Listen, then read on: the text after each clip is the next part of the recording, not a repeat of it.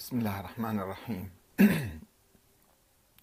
السلام عليكم أيها الأخوة الكرام ورحمة الله وبركاته. بعد قليل نبدأ بث برنامج الحوار المفتوح. أنت تسأل وأحمد الكاتب يجيب.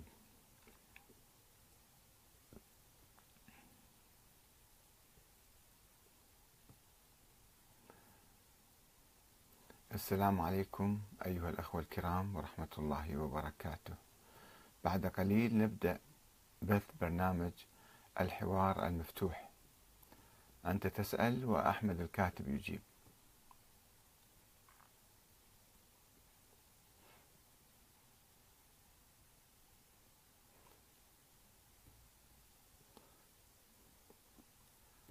السلام عليكم أيها الأخوة الكرام ورحمة الله وبركاته.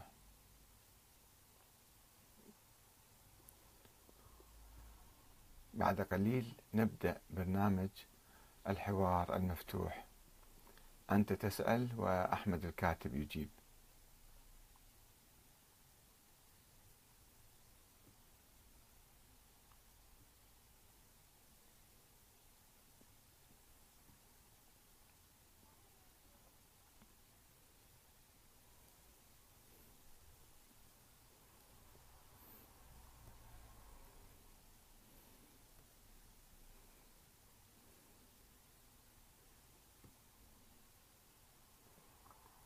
بسم الله الرحمن الرحيم. السلام عليكم أيها الأخوة الكرام ورحمة الله وبركاته. وأهلا وسهلا ومرحبا بكم في برنامج الحوار المفتوح.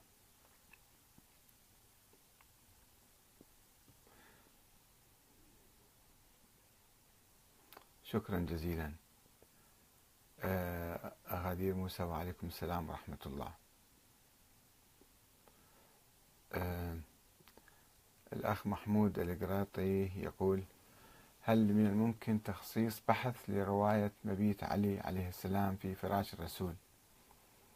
يعني قصة هي واضحة ومذكورة في التاريخ أنه عندما حاول النبي الهجرة من مكة وكان مشركو قريش قد خططوا لاغتياله وقتله وتآمروا على قتله فطلب من الإمام علي أن ينام في فراشه ويتسلل هو خارج البيت حتى يخدع المشركين ويظن أنه أن النبي نائم إلى أن يصل إلى مكان آمن في غار غار غار ثور وثم ينتقل إلى يعني يواصل طريقه إلى المدينة.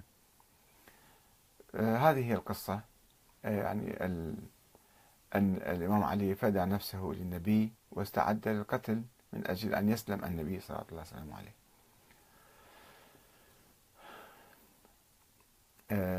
سامي عياش يقول هل كيف تنظر إلى موضوع العقيدة بالتفصيل؟ وهل يعتبر التمسح بالقبور والدعاء منهم شرك؟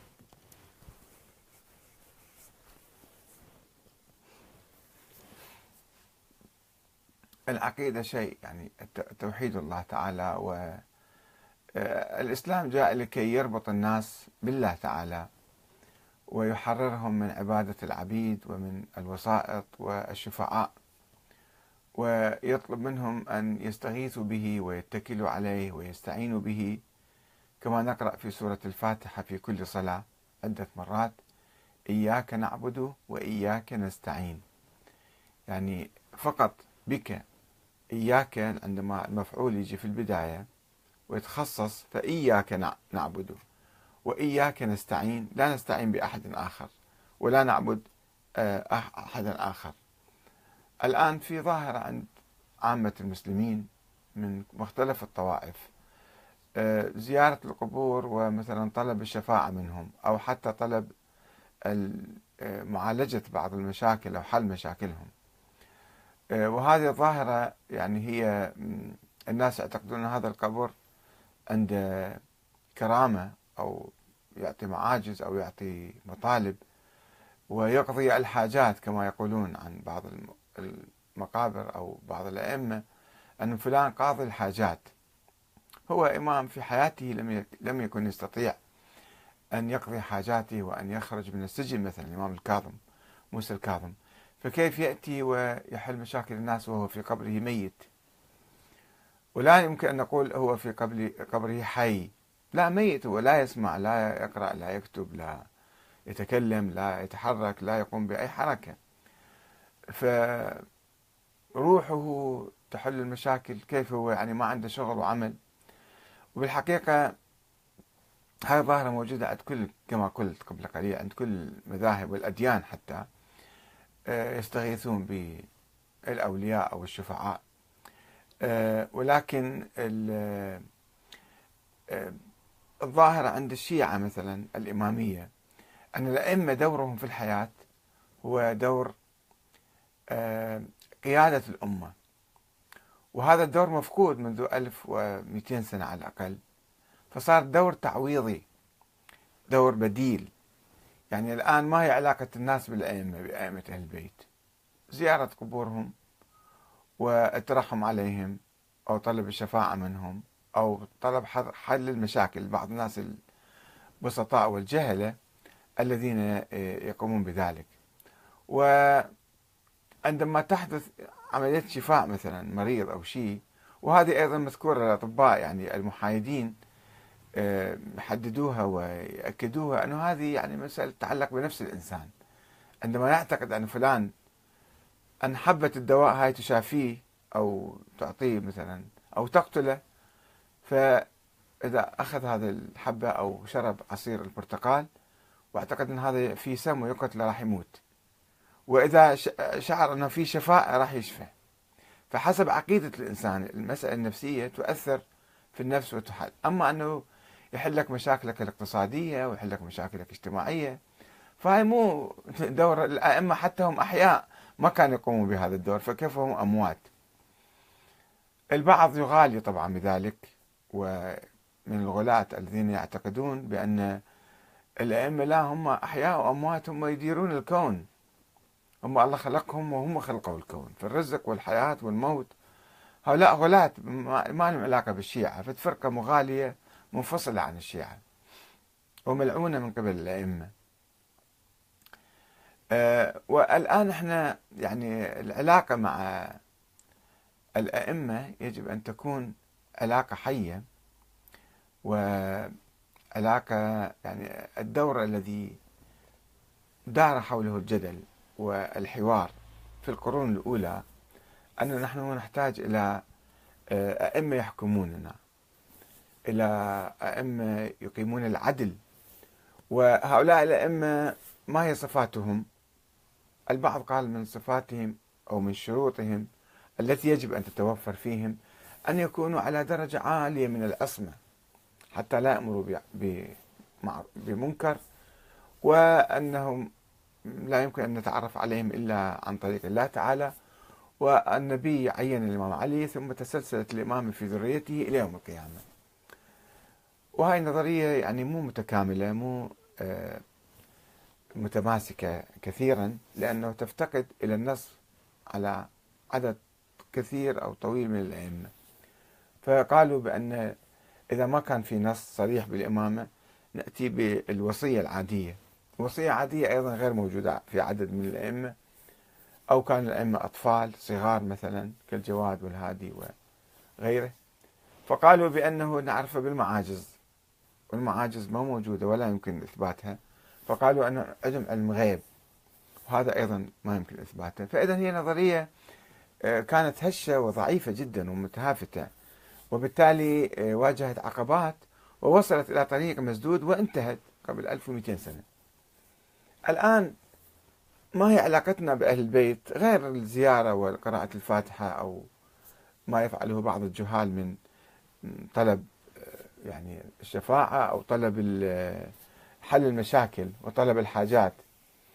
هو أنه إحنا نقتبس من ثقافتهم من تراثهم من أخلاقهم من قيمهم من جهادهم من علمهم من ورعهم هذا اللي يمكن نستفيد من عنده.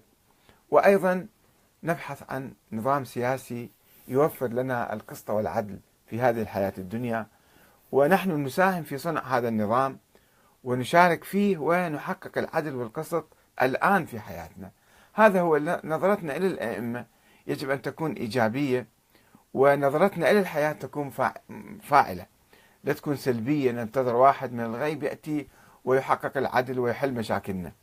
المشاكل كثيرة. الناس عادة في الحقيقة عندما يكونوا فقراء وجهلة لا يستطيعون حل مشاكلهم. المشاكل تتراكم عليهم فيذهبون إلى القبور في كل العالم الإسلامي. بينما مثلا نجد في بلاد الغربية حيث العلم متوفر والصحة متوفرة والدولة تتكفل حل مشاكلهم الاقتصادية أو الاجتماعية حتى فهنا لا يشعر الناس بعد الحاجة والضرورة إلى زيارة آه، القبور وطلب حل المشاكل من القبور. فكل ما نشوف الظاهرة آه، كبيرة واسعة في بعض البلاد ومن العراق مثلا نعرف أنه في نقص كبير في البلد. الجانب الآخر من القضية.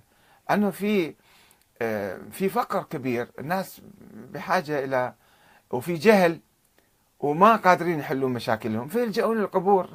أفضل وسيلة عندهم وسيلة متيسرة. بينما إحنا هذا الدور يجب الأئمة المعاصرين يقومون به. يعني الحكام الأئمة المعاصرين الحكام هم الذين يجب أن يقضوا حوائج الناس. لا يذبوها على الناس الموتى والمقابر والأئمة اللي ماتوا قبل ألف مئات السنين.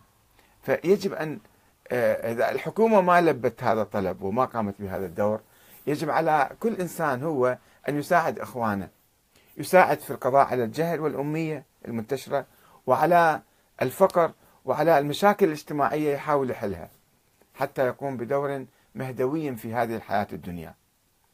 فإحنا مو فقط ننتقد الظاهرة ونحكم عليها مثل الوهابية يفعلون. شرك شرك شرك ويقتلون الناس ويكفروهم. لا يجب أن نحلل هذه الظاهرة ونشوف ما هي أسباب هذه الظاهرة وكيف يمكن نعالج حاجات الناس الاقتصادية والاجتماعية والثقافية والعلمية وما إلى ذلك. هذا الدور الذي يجب أن نقوم به حتى نقضي على هذه الظاهرة. ما يمكن فقط بالكلام الدين هذه الظاهرة وتستنكرها وتقعد ببيتك بعدين. إذا أنت كنت حريص على حل هذه الظاهرة ومكافحتها والقضاء عليها فيجب أن تقدم حلولا عملية. وهذا ممكن وصاير في العالم بس إحنا بلاد متخلفة الآن لذلك ما نعرف كيف نحل مشاكلنا فنلجأ إلى القبور إلى الموتى حتى يحلوا مشاكلنا. وهؤلاء لا يمكن أن يحلوا هالمشاكل لأن المشاكل متراكمة. مشاكل متراكمة لا يمكن يعبدوا طرقنا ولا ينشروا مدارس في بلادنا ولا يوفر الصحة إن ولا يوفر أي شيء. يجيك واحد حدث له عن معجزة حدثت مع ابنته أو مع ما أدري. كذا.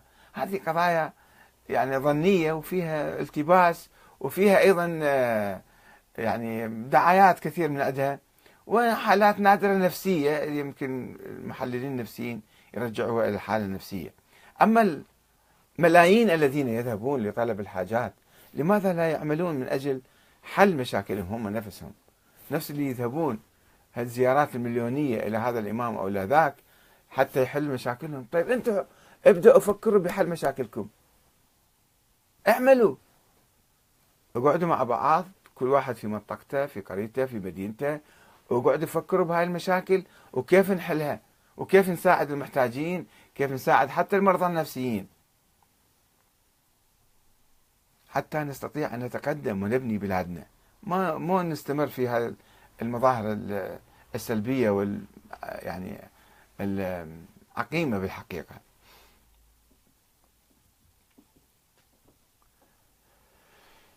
الأخ طبعا فاتتني أسئلة